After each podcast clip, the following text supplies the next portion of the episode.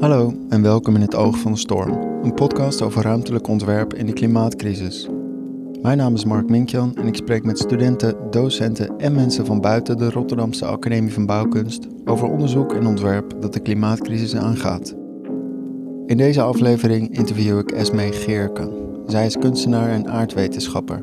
Ze studeerde aan de Gerrit Rietveld Academie en behaalde een PhD in geochemie bij het Nederlands Instituut voor Zeeonderzoek. Momenteel is Esme onder andere Research Fellow bij Waag, Artist in Residence bij het UvA Institute of Advanced Study en docent Deep Ecology bij de Universiteit van Amsterdam. Aan de academie was ze docent Urban Ecology en betrokken bij de studio Wet Urbanism. We spreken over zelforganisatie, ontwerpen met onzekerheid in complexe systemen, bouwen in harmonie met een ecosysteem en de sweet spot tussen orde en chaos.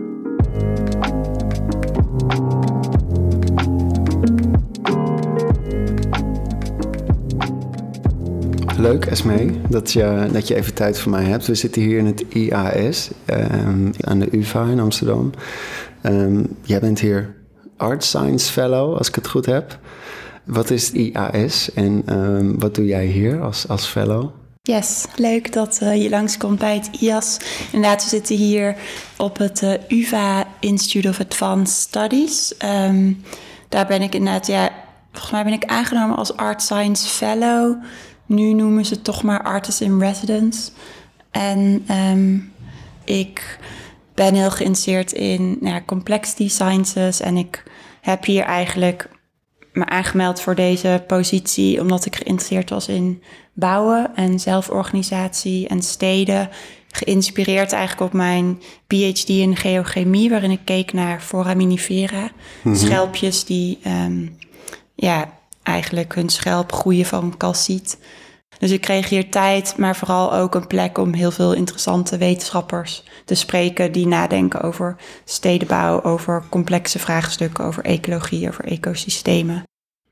Um, en en is, voelt het als een logische stap van uh, formafineren? Foraminiferen. Foraminiferen. En aan het eind van dit gesprek uh, dan uh, wil je voor altijd ja. foraminiferen.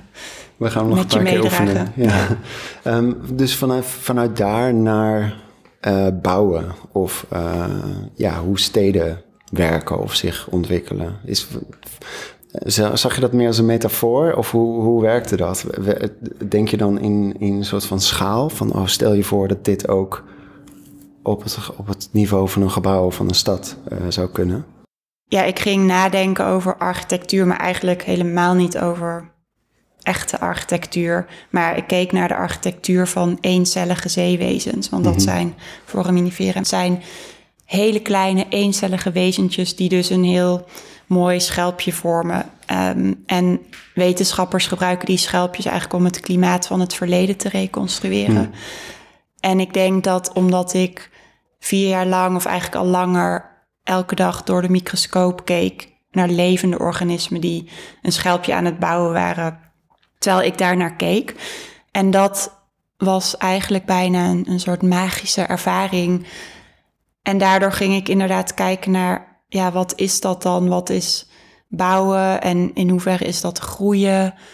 En um, hoe is bouwen een manier van interacteren met je omgeving? In hoeverre wordt dat gestuurd? Um, en zelf ging ik het inderdaad als een soort metafoor zien. Mm -hmm. Dus, dus op meerdere lagen, dus inderdaad groeiend bouwen, zoals hoe bouwt een schelp letterlijk ja. vanuit het materiaal. Dus materialen verzamelen uit een omgeving en daarmee een niche creëren in een ecosysteem of een omgeving zoals de zee of de lucht. En een niche betekent in die zin meer een soort uit, een, een soort carving, toch? Een ja, soort uit, een, uit... een soort binnen creëren in het buiten. Ja. Om bijvoorbeeld je veilig te voelen of om bescherming te vinden. Maar ook om, um, ja, dus bescherming tegen um, andere organismen die je willen aanvallen. Maar ja. misschien ook bescherming voor de blik van de ander. En in mijn werk ben ik ook altijd wel geïnspireerd door de etymologie van woorden. Dus waar komt het woord huis vandaan? Waar komt het woord bouwen mm -hmm. vandaan? En daarin vind je dan ook een soort betekenis van een woord die soms ook verloren is gegaan in de betekenis die het nu voor ons heeft, die natuurlijk altijd een veelvoud van betekenis heeft. En ik raakte ook, voor mij was de metafoor denk ik ook vanuit de Jungiaanse psychoanalyse. Dus het, ook het huis als metafoor voor ja, je identiteit of je ego. Ik ben geen psycholoog, dus ik Mhm. vul dat altijd in op mijn eigen manier. Maar ja, op welke manier je ook de onzichtbare schelpen creëert die jezelf een identiteit geven. Een manier waarop eigenlijk de buitenwereld naar jou kijkt, die je ook beschermt. Ehm, ja, dus op allerlei lagen zie ik het denk ik als metaforen, maar ook wel in materiële zin, ehm, misschien vanuit meer soort complexity science perspectief. Ook als een manier om te kijken naar wat, wat bouwen is in een iets meer misschien letterlijke zin of een materiële zin. Ja, tof. En als je zegt complexity sciences, wat, eh, hoe zou je dat omschrijven? Ja, complexity sciences gaat eigenlijk over complexe systemen. En complexe systemen zijn systemen die een aantal eigenschappen hebben. Dus bijvoorbeeld um, non-lineair zijn, een vorm hebben van zelforganisatie, uh, feedback loops. Um, um, ja, een, een aantal eigenschappen om een complex systeem te beschrijven. Maar misschien is het handig om wat voorbeelden te geven van complexe systemen. Je kan denken aan het aan levende systemen zoals het ecosysteem of de biosfeer of het immuunsysteem of je brein. Het is een soort netwerk van neuronen. Vaak zijn complexe systemen bestaan uit netwerken, maar ook geneste structuren. Um, en om het, je had het net al over schaal. Voor mij gaat complexity sciences ook heel erg over proberen begrijpen van grotere systemen waar je zelf deel van bent of die deel uitmaken van jou, bijvoorbeeld je darmsysteem. Ja. Um, eigenlijk ook om daar een soort skill-free laws in te ontdekken. Dus hoe kun je dat soort systemen die zich afspelen op totaal verschillende schalen toch begrijpen vanuit zelfde um, ja, patronen eigenlijk. Ja, ja fascinerend. Um, ik moet meteen denken aan een. Jij hebt een uh, collegereeks uh, Urban Ecology georganiseerd en gegeven. Je hebt ook een deel van die lezingen zelf gegeven aan de, aan de academie. Ik heb daar ook het een en ander van uh, mogen kijken. En ik moest denken, toen je dit net zei, ehm, over die schalen en het onderdeel zijn van uh, ja, complexiteit. Je haalde het voorbeeld aan van uh, een tekeningetje van Hoendertwasser, de, de, de kunstenaar, architect. Um, en in dat tekeningetje ging het ook heel erg over een cel is onderdeel van een lichaam. Een lichaam zit weer in, ik weet niet of kleding ook in zond, maar in elk geval zit dan weer in, dat zit dan weer in een huis. En uh, vanuit het huis maak je onderdeel van een, van een gemeenschap en daarbuiten weer van de van een ecosysteem of de biosfeer. Mm. Ik weet niet meer precies wat het was, maar um, vanuit het idee van honderd was er. Ja. Um, wat doet dat jou uh, denken over, over ruimte? Ja, ik denk dat dat plaatje, dat is inderdaad een voorbeeld van hoe je die nested, nested hierarchies of nested structures kan voorstellen. Dus inderdaad in dat tekeningetje, dat is gebaseerd op, volgens mij had hij eerst een idee over de drie huiden van de mens. Dus de, um, je huid, je kleding en je huis. Maar dat heeft hij toen uitgebreid met ook nog identiteit en de planeet. En wat, heel, wat ik er zelf heel leuk aan vind, is op zo'n manier nadenken is heel aanlokkelijk. Dus je kan op allerlei manieren dat soort nested hierarchies uh, proberen te tekenen. Dus als je dat dan in een soort cirkeltjes mm. doet, dan kun je inderdaad beginnen met een cel en een lichaam. Maar het is in werkelijkheid natuurlijk niet zo tweedimensionaal. Dus je raakt altijd ergens verstrikt. Er is altijd een soort Ouroboros, een slang die zijn eigen staart bijt. Mhm. Maar zo'n tweedimensionale manier van dat zo uittekenen klopt nooit helemaal. Maar het laat voor mij wel iets, iets zien wat mijzelf helpt in het nadenken over hoe je verhoudt als individu tot, het, tot een collectief. Of je nou kijkt naar een cel in mijn lichaam of ik als organisme in een ecosysteem of um, ik als mens in een gebouw, in een stad. Mm -hmm. ja, het gaat altijd over wat zijn de omgevingen waarin je je bevindt als individu. En wat ik ehm, mooi vond aan dat plaatje van Hoendert was er, is dat hij daar ook bij beschrijft dat je altijd de semi-permeabiliteit nodig hebt. Hmm. Dus tussen die denkbeeldige grenzen die je kan trekken, die eigenlijk bijvoorbeeld, sorry, een huis kun je natuurlijk zien als een soort grens tussen jezelf en een omgeving, waar bijvoorbeeld een bepaald klimaat heerst, wat misschien ehm, een kwetsbaarheid oplevert. Dat je, of als je kijkt naar een celmembraan die ervoor zorgt dat het dynamische equilibrium van dat levende systeem, de cel, behouden kan blijven in een omgeving. Um, dat gaat voor me altijd over inderdaad dat je grenzen nodig hebt om dynamische systemen in stand te houden. Dus als Ja. je kijkt naar complexe systemen, zijn dat systemen die eigenlijk energie gebruiken en entropie produceren. En daarvoor heb je dus een grens nodig om in stand te kunnen blijven. Maar die grens moet ook permeabel zijn. En je kan Ja. het dus grens noemen, maar je kan het ook een huis noemen of een, een huid. Ehm, en die permeabiliteit zorgt er natuurlijk voor dat je dus ook deel bent van die omgeving. Dus dat er uitwisseling is, zowel naar buiten als naar binnen.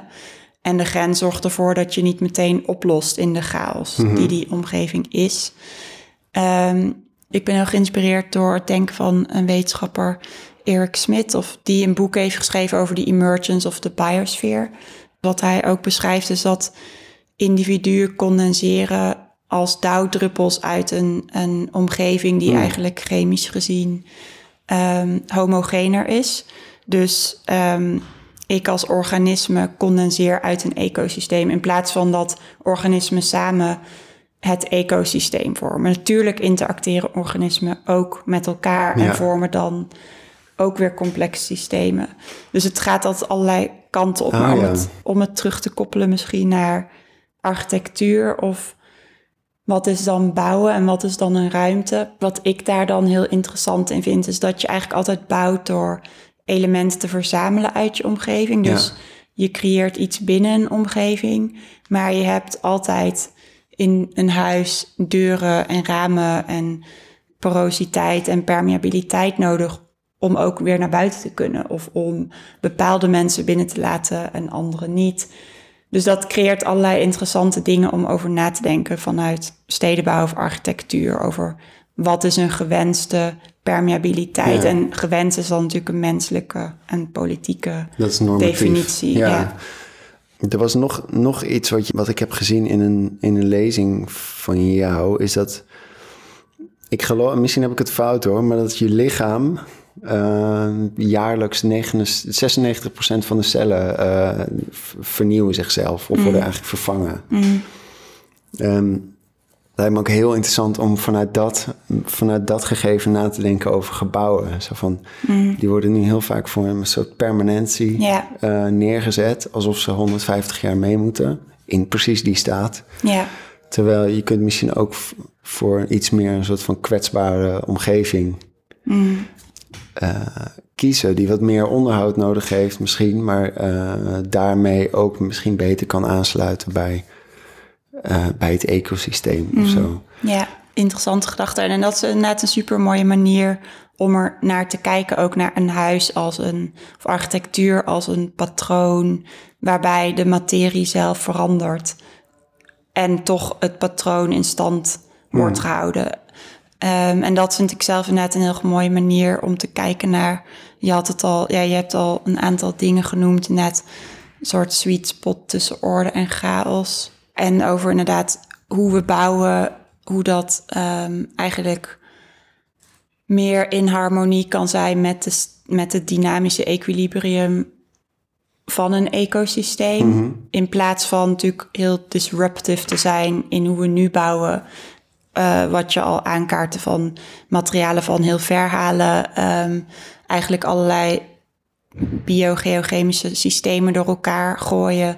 Ehm, en ik denk inderdaad dat het daarin heel belangrijk is om een bewustzijn te hebben dat, dat je altijd in interactie bent met dat ecosysteem. Dus, dus inderdaad, wij condenseren in zekere zin uit het ecosysteem.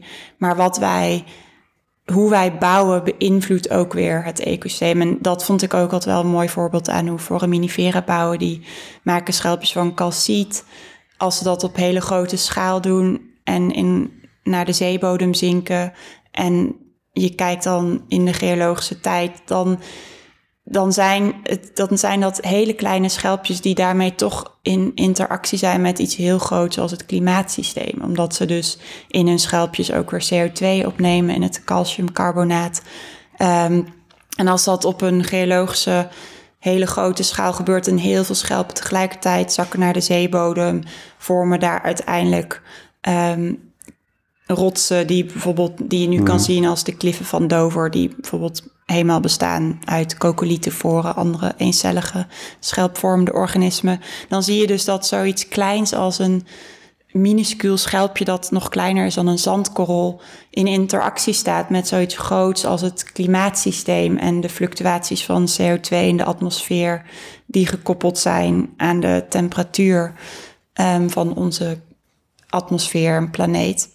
Dus dat vind ik een heel interessante manier om naar te kijken. Dus wat je zei over kunnen we dan ook huizen zien als iets wat, of gebouwen of steden als iets wat een bepaalde vorm heeft, waarbij de materialen dan veranderen. Dus je haalde een quote en die ik zelf eigenlijk uit een praatje van Peter Sloot heb. Ik weet niet of jullie links hebben onder de podcast, maar mhm. ik kan een aantal links geven naar mensen die ik Goeie. refereer. Ja. Ehm, dus hij noemde inderdaad dat uh, uh, 69 procent van de atomen in je lichaam, dus niet de cellen, dat die veranderen gedurende een jaar.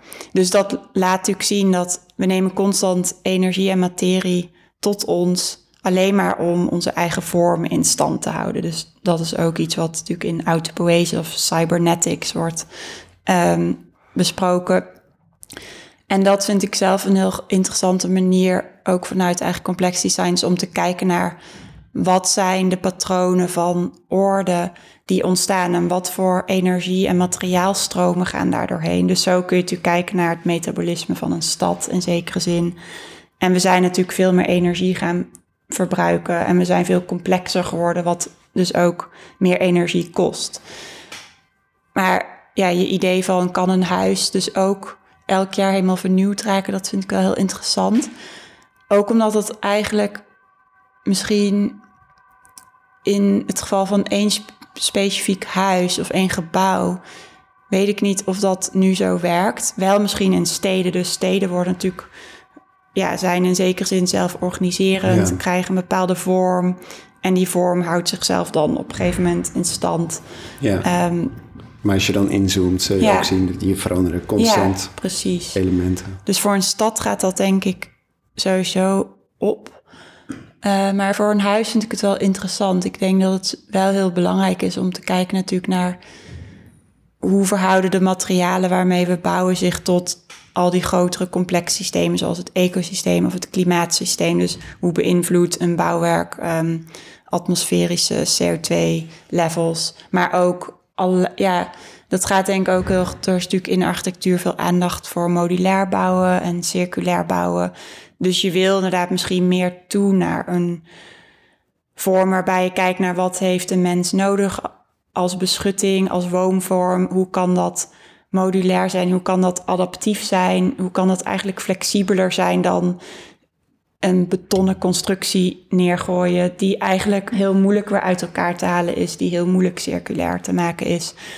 En daarmee dus misschien niet adaptief genoeg en te beton is natuurlijk gemaakt om heel robuust te zijn, maar is eigenlijk als je het vergelijkt met het materiaal waarmee foraminifera bouwen, dus een combinatie van organisch materiaal en minerale componenten, wat zo groeit en daardoor en flexibel is, en sterk is, beton eigenlijk niet zo elegant. Want ja, het vergaat snel, we moeten mhm. er staal in stoppen, het, corrodeert dan weer. Ehm, we kunnen het eigenlijk niet recyclen, dus de komen allerlei waardevolle resources in samen, zoals zand, kalksteen, wat dus eigenlijk weer bestaat uit die coccolithoren en ja. foraminifera. Hmm.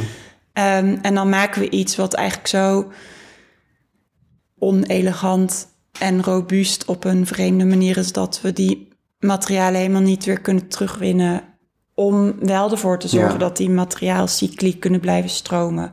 En patronen gegenereerd worden die een uiting zijn van een bepaalde complexiteit, maar die wel dynamisch zijn en veranderlijk binnen een ecosysteem.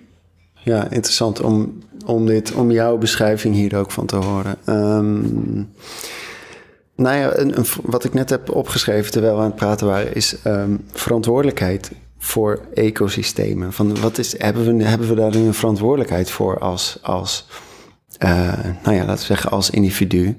Of, of gaat het vooral over je bewustzijn van de, uh, de complexiteit um, waarin je je bevindt? Ja, ik denk dat het voor mij heel gaat inderdaad om allereerst een bewustzijn. En ik denk dat dat verantwoordelijkheid, ja, dat, dat ik niet per se ga zeggen: dit is jouw verantwoordelijkheid, hmm. maar wel dat ik het super belangrijk vind om met elkaar, maar ook zelf als individu na te denken en in dialoog te gaan over wat is eigenlijk je agency, wat, wat is je vrijheid om te handelen binnen zo'n onmogelijk complex systeem wat je nooit kan begrijpen.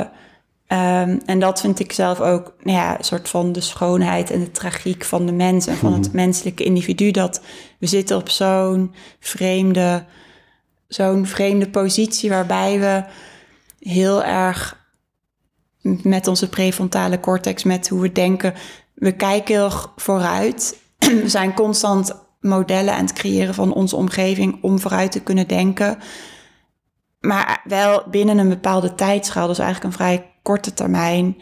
Um, maar door tools als wetenschap kunnen we natuurlijk steeds verder um, voorspellingen maken in de toekomst. Maar we hebben ook een beter begrip gekregen van de moeilijkheid van de voorspellingen en ook de kans en de randomness in dat soort systemen, waardoor we eigenlijk ook weten dat we het niet kunnen voorspellen. Ja.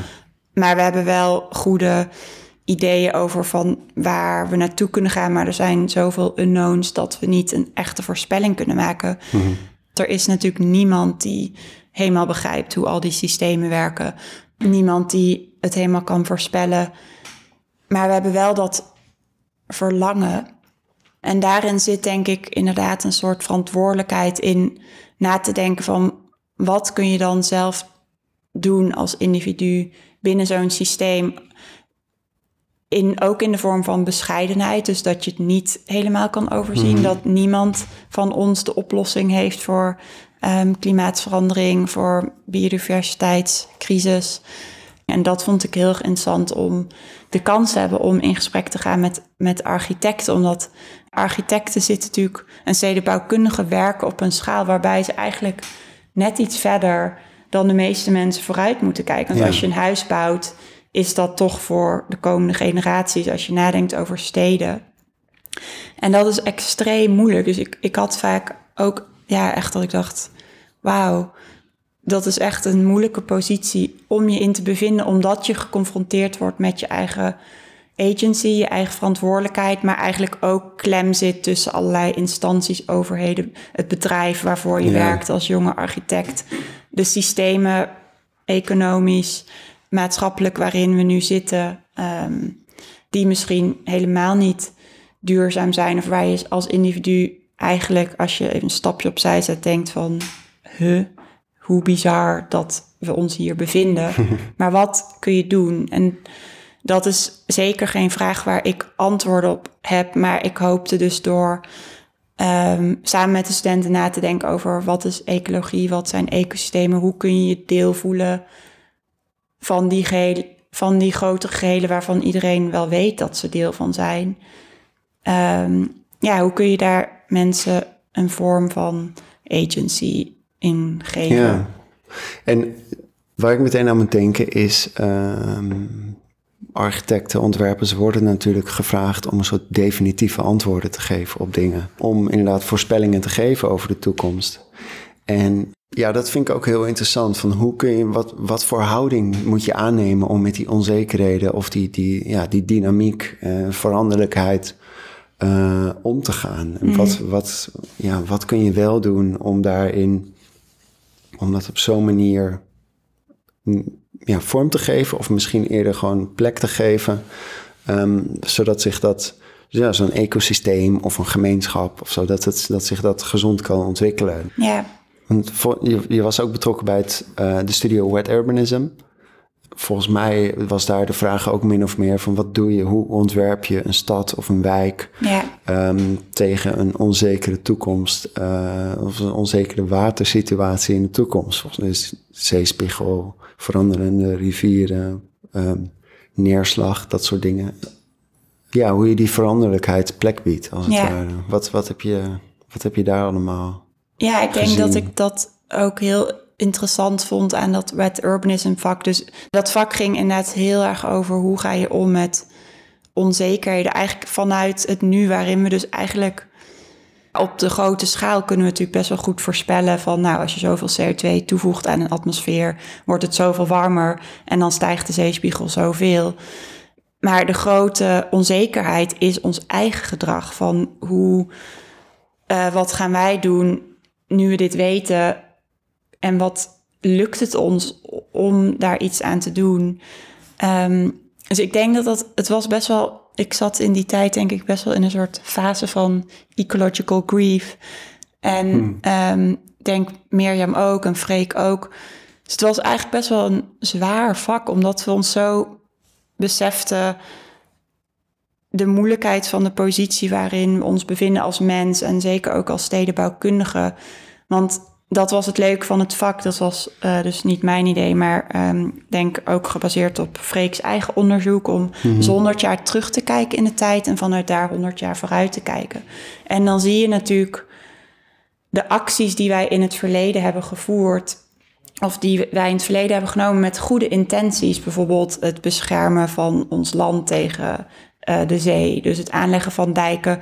Hoe acties die een goede, vanuit een menselijk perspectief, een goede intentie hadden, ons nu op een punt hebben gebracht dat we ongelooflijk veel problemen hebben. Dus eigenlijk omdat we hebben geprobeerd heel veel controle te krijgen Ja. over een landschap in een groter systeem hebben we een soort rigiditeit gecreëerd, ehm, waardoor die grotere systemen eigenlijk een natuurlijke dynamiek van eigenlijk constante kleine iteraties, kleine adaptaties, de, de wisseling tussen zee, tussen rivier, tussen landschap, tussen sediment wat ingevoerd wordt, ehm, de zee die terugduwt. ehm, je wil eigenlijk in een soort, als je kijkt vanuit een, een complexity science perspectief, als je kijkt naar een systeem, heeft een systeem, hoe meer interacties er zijn tussen de verschillende agents, dus in dit geval bijvoorbeeld zandkorrels die worden aangevoerd, eh, sneeuw die smelt, regen, eh, zeewater en de mens ook daarin.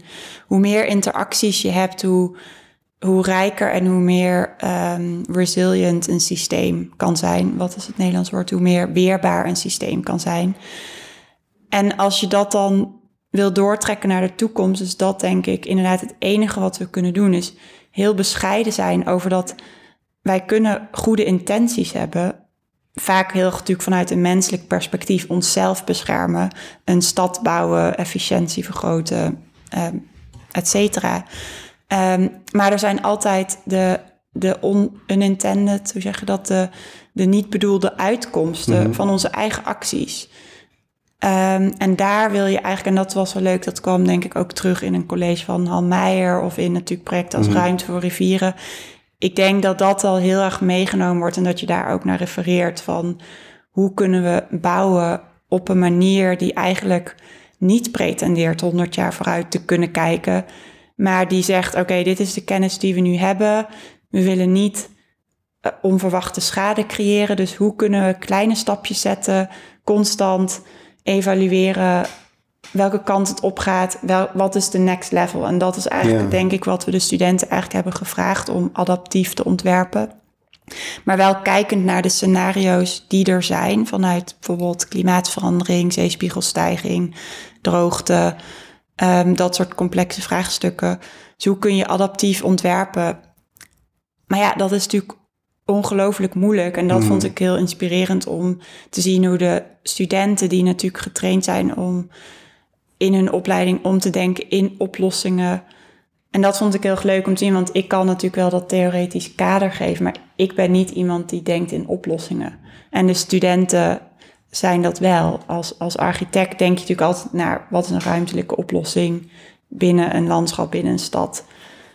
Dus dat vond ik heel inspirerend om naar te kijken. En tegelijkertijd voelde ik me bijna schuldig omdat we best wel veel zware onderwerpen op Mhm. tafel legden. Dat we allemaal een beetje gecrushed werden van, Ja. ja, oké, wat kunnen we eigenlijk doen? En ook dat de studenten voelden van, ja, maar ik zit in eh, dit architectuurbureau en eigenlijk in allerlei systemen die, die eigenlijk veel te ouderwets en langzaam gaan voor wat Ja. we eigenlijk willen veranderen. Als we dus die toekomst willen veranderen, terwijl we weten dat we dat ook niet kunnen overzien. Nee, dus de, vinger wordt door, door de, hier zo bewust en eh, ja, bewust mee, mee, mee om te gaan. Van die complexiteit en die veranderlijkheid uit te gaan. Nou ja, en gewoon gegeven de, de situatie, eh, de conditie van ecosystemen nu. Ja. Ik, kan, ik kan me voorstellen dat het ook best verlammend zou kunnen werken. Ja. Maar, dus ja, de kunst is om daar dan toch een soort optimisme in te Ja. houden en, een- en een bescheidenheid. En, Ja, vooral hoop, denk ik. Dus dat is natuurlijk altijd dat is wel iets wat vaker aangekaart wordt van wat is optimisme, wat is hoop. Mhm. Ehm, en ehm, ja, ik denk inderdaad dat dat uiteindelijk heel belangrijk is, maar dat je ook de verschillende fases hebt. Dus dat verschillende emoties ook een verschillende functie hebben. Dus bijvoorbeeld rouw, wanneer je opeens beseft van, oh, al het oerbos in Europa, behalve een heel klein mini-stukje in Polen, is omgekapt Ja. het is denk ik ook waardevol en er moet ook ruimte zijn voor verdriet voelen over. Ja. Als je gaat kijken naar, oh, ehm, zoveel procent van de soorten zijn uitgestorven en dat komt door ons. Dat komt door hoe wij hebben gebouwd en andere beslissingen hebben genomen in een omgeving. Zonder dat je natuurlijk, het heeft niet misschien altijd zin om je daar schuldig over te voelen, want het zijn natuurlijk ook niet altijd per se bewuste keuzes geweest. Maar wel natuurlijk altijd, en daar wil ik nog even op terugkomen, ook op je eerdere vraag. Dat, dat is natuurlijk het vreemde aan ons, dat we zien eigenlijk wel wat er gebeurt. En we zijn natuurlijk zo gewend om te denken vanuit ons eigen perspectief. Dat is ook logisch. Je denkt altijd aan het, ja, hoe kan je je eigen lichaam in stand houden? Hoe kun je ervoor zorgen dat je familie het goed heeft? Dat ehm, je stad ehm, beschermd is. Maar wat denk ik toch heel cruciaal is, is nu vanuit de kennis die we nu hebben, zoveel mogelijk toch ook stemmen te geven, ook aan de niet-menselijke perspectieven. Dus andere organismen. ehm, en niet per se letterlijk van, nou, ik ga nu doen alsof ik een boom ben en in deze dialoog mijn wensen neergeven. Ik kan natuurlijk als mens nooit weten hoe het is om een boom te zijn of een vleermuis. Maar wel, we weten gewoon dat hoe meer organismen en hoe meer agents kunnen interacteren in een systeem, hoe weerbaarder het wordt. Dus als wij alles platgooien met asfalt en beton, waardoor er eigenlijk dus ook die permeabiliteit tussen die sferen afneemt, dan, en we alleen monoculturen planten wanneer eigenlijk door ons toedoen heel veel soorten weggehaald worden, dan weten we gewoon dat het systeem kwetsbaarder wordt, omdat we eigenlijk allerlei nodes uit het netwerk aan het weghalen zijn. Ja. En wij weten niet bij welke nood opeens een heel netwerk uit elkaar gaat vallen, zoals bijvoorbeeld een lichaam uiteenvalt wanneer je doodgaat. En dat is denk ik inderdaad de bescheidenheid en die we kunnen hebben dat we proberen ons eigen, ja, onze eigen egoïstische verlangens die niet slecht zijn, die begrijpelijk zijn, maar toch om te kijken naar, oké, hoe kunnen we ons dus deel voelen van een groter geheel en ook de andere stemmen binnen dat geheel ruimte geven om hun interacties aan te gaan. Ook al kunnen we dan dus niet helemaal voorspellen wat er gaat gebeuren, een soort vertrouwen in hebben dat die grotere systemen zichzelf beter kunnen reguleren dan dat wij dat kunnen. Maar tegelijkertijd is dat natuurlijk onmogelijk, want we willen natuurlijk heel graag wel controle hebben. En we hebben al het systeem in zo'n positie gebracht dat we voor onszelf en andere organismen allerlei problemen hebben gecreëerd. Dus je kan ook niet zomaar zeggen: Oké, nou dan doen we niks meer en we geven alle controle op. Dus dat wat je eerder het ook over had, die sweet spot tussen orde en chaos, of order en disorder, gaat voor mij heel erg over hoe kun je als mens, als organisme, als architect, als stedenbouwkundige je plek vinden in, ja, je wil je omgeving vormgeven en um, op een fijne manier met goede intenties. Maar ook hoe kun je daarin zoveel mogelijk ruimte geven voor biodiversiteit, voor andere organismen, voor rivieren, um, voor de zee, voor um, de lucht. Zodat, er, zodat je zelf de controle op, ja, in zekere zin opgeeft, maar er eigenlijk een soort van de intuïtie van een biosfeer het werk laat doen. En eigenlijk mm. ook misschien je eigen intuïtie, waarin je mm. minder probeert te ontwerpen, maar meer aan het luisteren bent. En dat vond ik ook eigenlijk wel mooi dat ik dat wel zag, dat de studenten dat eigenlijk van nature al deden in hun praktijk als stedenbouwkundige. Dus heel erg keken naar wie zijn er, uh, wat speelt er. Helemaal niet vanaf een soort top-down, uh, ik ga nu een ontwerp tekenen. Wat natuurlijk misschien in het verleden soms wel is gebeurd als je kijkt naar bepaalde wijken. Maar dat vond ik heel mooi dat de studenten zich daar eigenlijk wel van bewust waren. En het enige wat ik hoopte te doen is ze daar wat tools in geven en concepten, zodat ze ook begrepen waarom ze dat doen en dat dat belangrijk is. Om dus die sweet spot tussen orde en chaos te vinden. Heel moeilijk voor, voor ons als mens, denk ik, maar heel cruciaal om daar ja, het, is ook, het heeft ook iets te maken met jezelf ergens aan durven overgeven, volgens mij. Ja, ja en ik denk dat dat was iets wat ik leerde uit een lezing van Peter Sloot. Die zal ik de link nog delen. Maar dat komt ook gewoon uit de complex design zelf. En ik vond dat een heel mooi concept om mee te werken als nou ja, mens, als individu. Ehm, dus het gaat eigenlijk over dat orde is voorspelbaar. Dus bijvoorbeeld een kristal wat in een bepaalde vorm groeit. Daar heb je eigenlijk weinig informatie voor nodig. En dan groeit het in een bepaalde geordende vorm. Totale chaos als je dus bijvoorbeeld kijkt naar, of disorder, als je kijkt naar bijvoorbeeld moleculen in een gas die heen en weer bewegen, dat is eigenlijk ook voorspelbaar in de chaotischheid. En ergens op dat grensvlak daartussen, dat is waar dus dan complexere vormen ontstaan, zoals het leven, zoals een Um, zoals steden ook, um, zoals een immuunsysteem. En ook architectuur.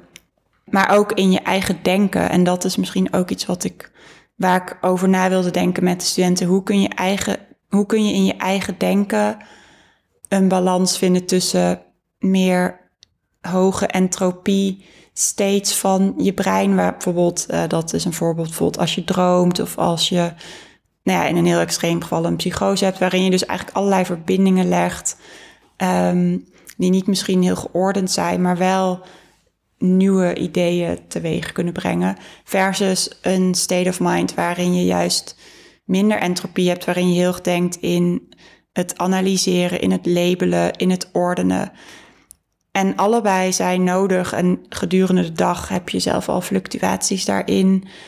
Maar ik vind het zelf wel interessant in hoe kun je dat gebruiken in je denken en ook in je ontwerpen. Dus wanneer bereik je eigenlijk een state of mind waarin je eigenlijk meer mogelijkheden ziet, wanneer er dus eigenlijk meer entro, hoge entropie is, waardoor je plots een nieuwe oplossing bedenkt. Hmm. En in creativiteit is dat natuurlijk heel belangrijk. Maar het is natuurlijk ook belangrijk om soms te denken in, oké, hoe definiëren we dit woord of hoe definiëren we deze ruimte en hoe leggen we dit vast? Dus daar gaat het voor mij heel erg over.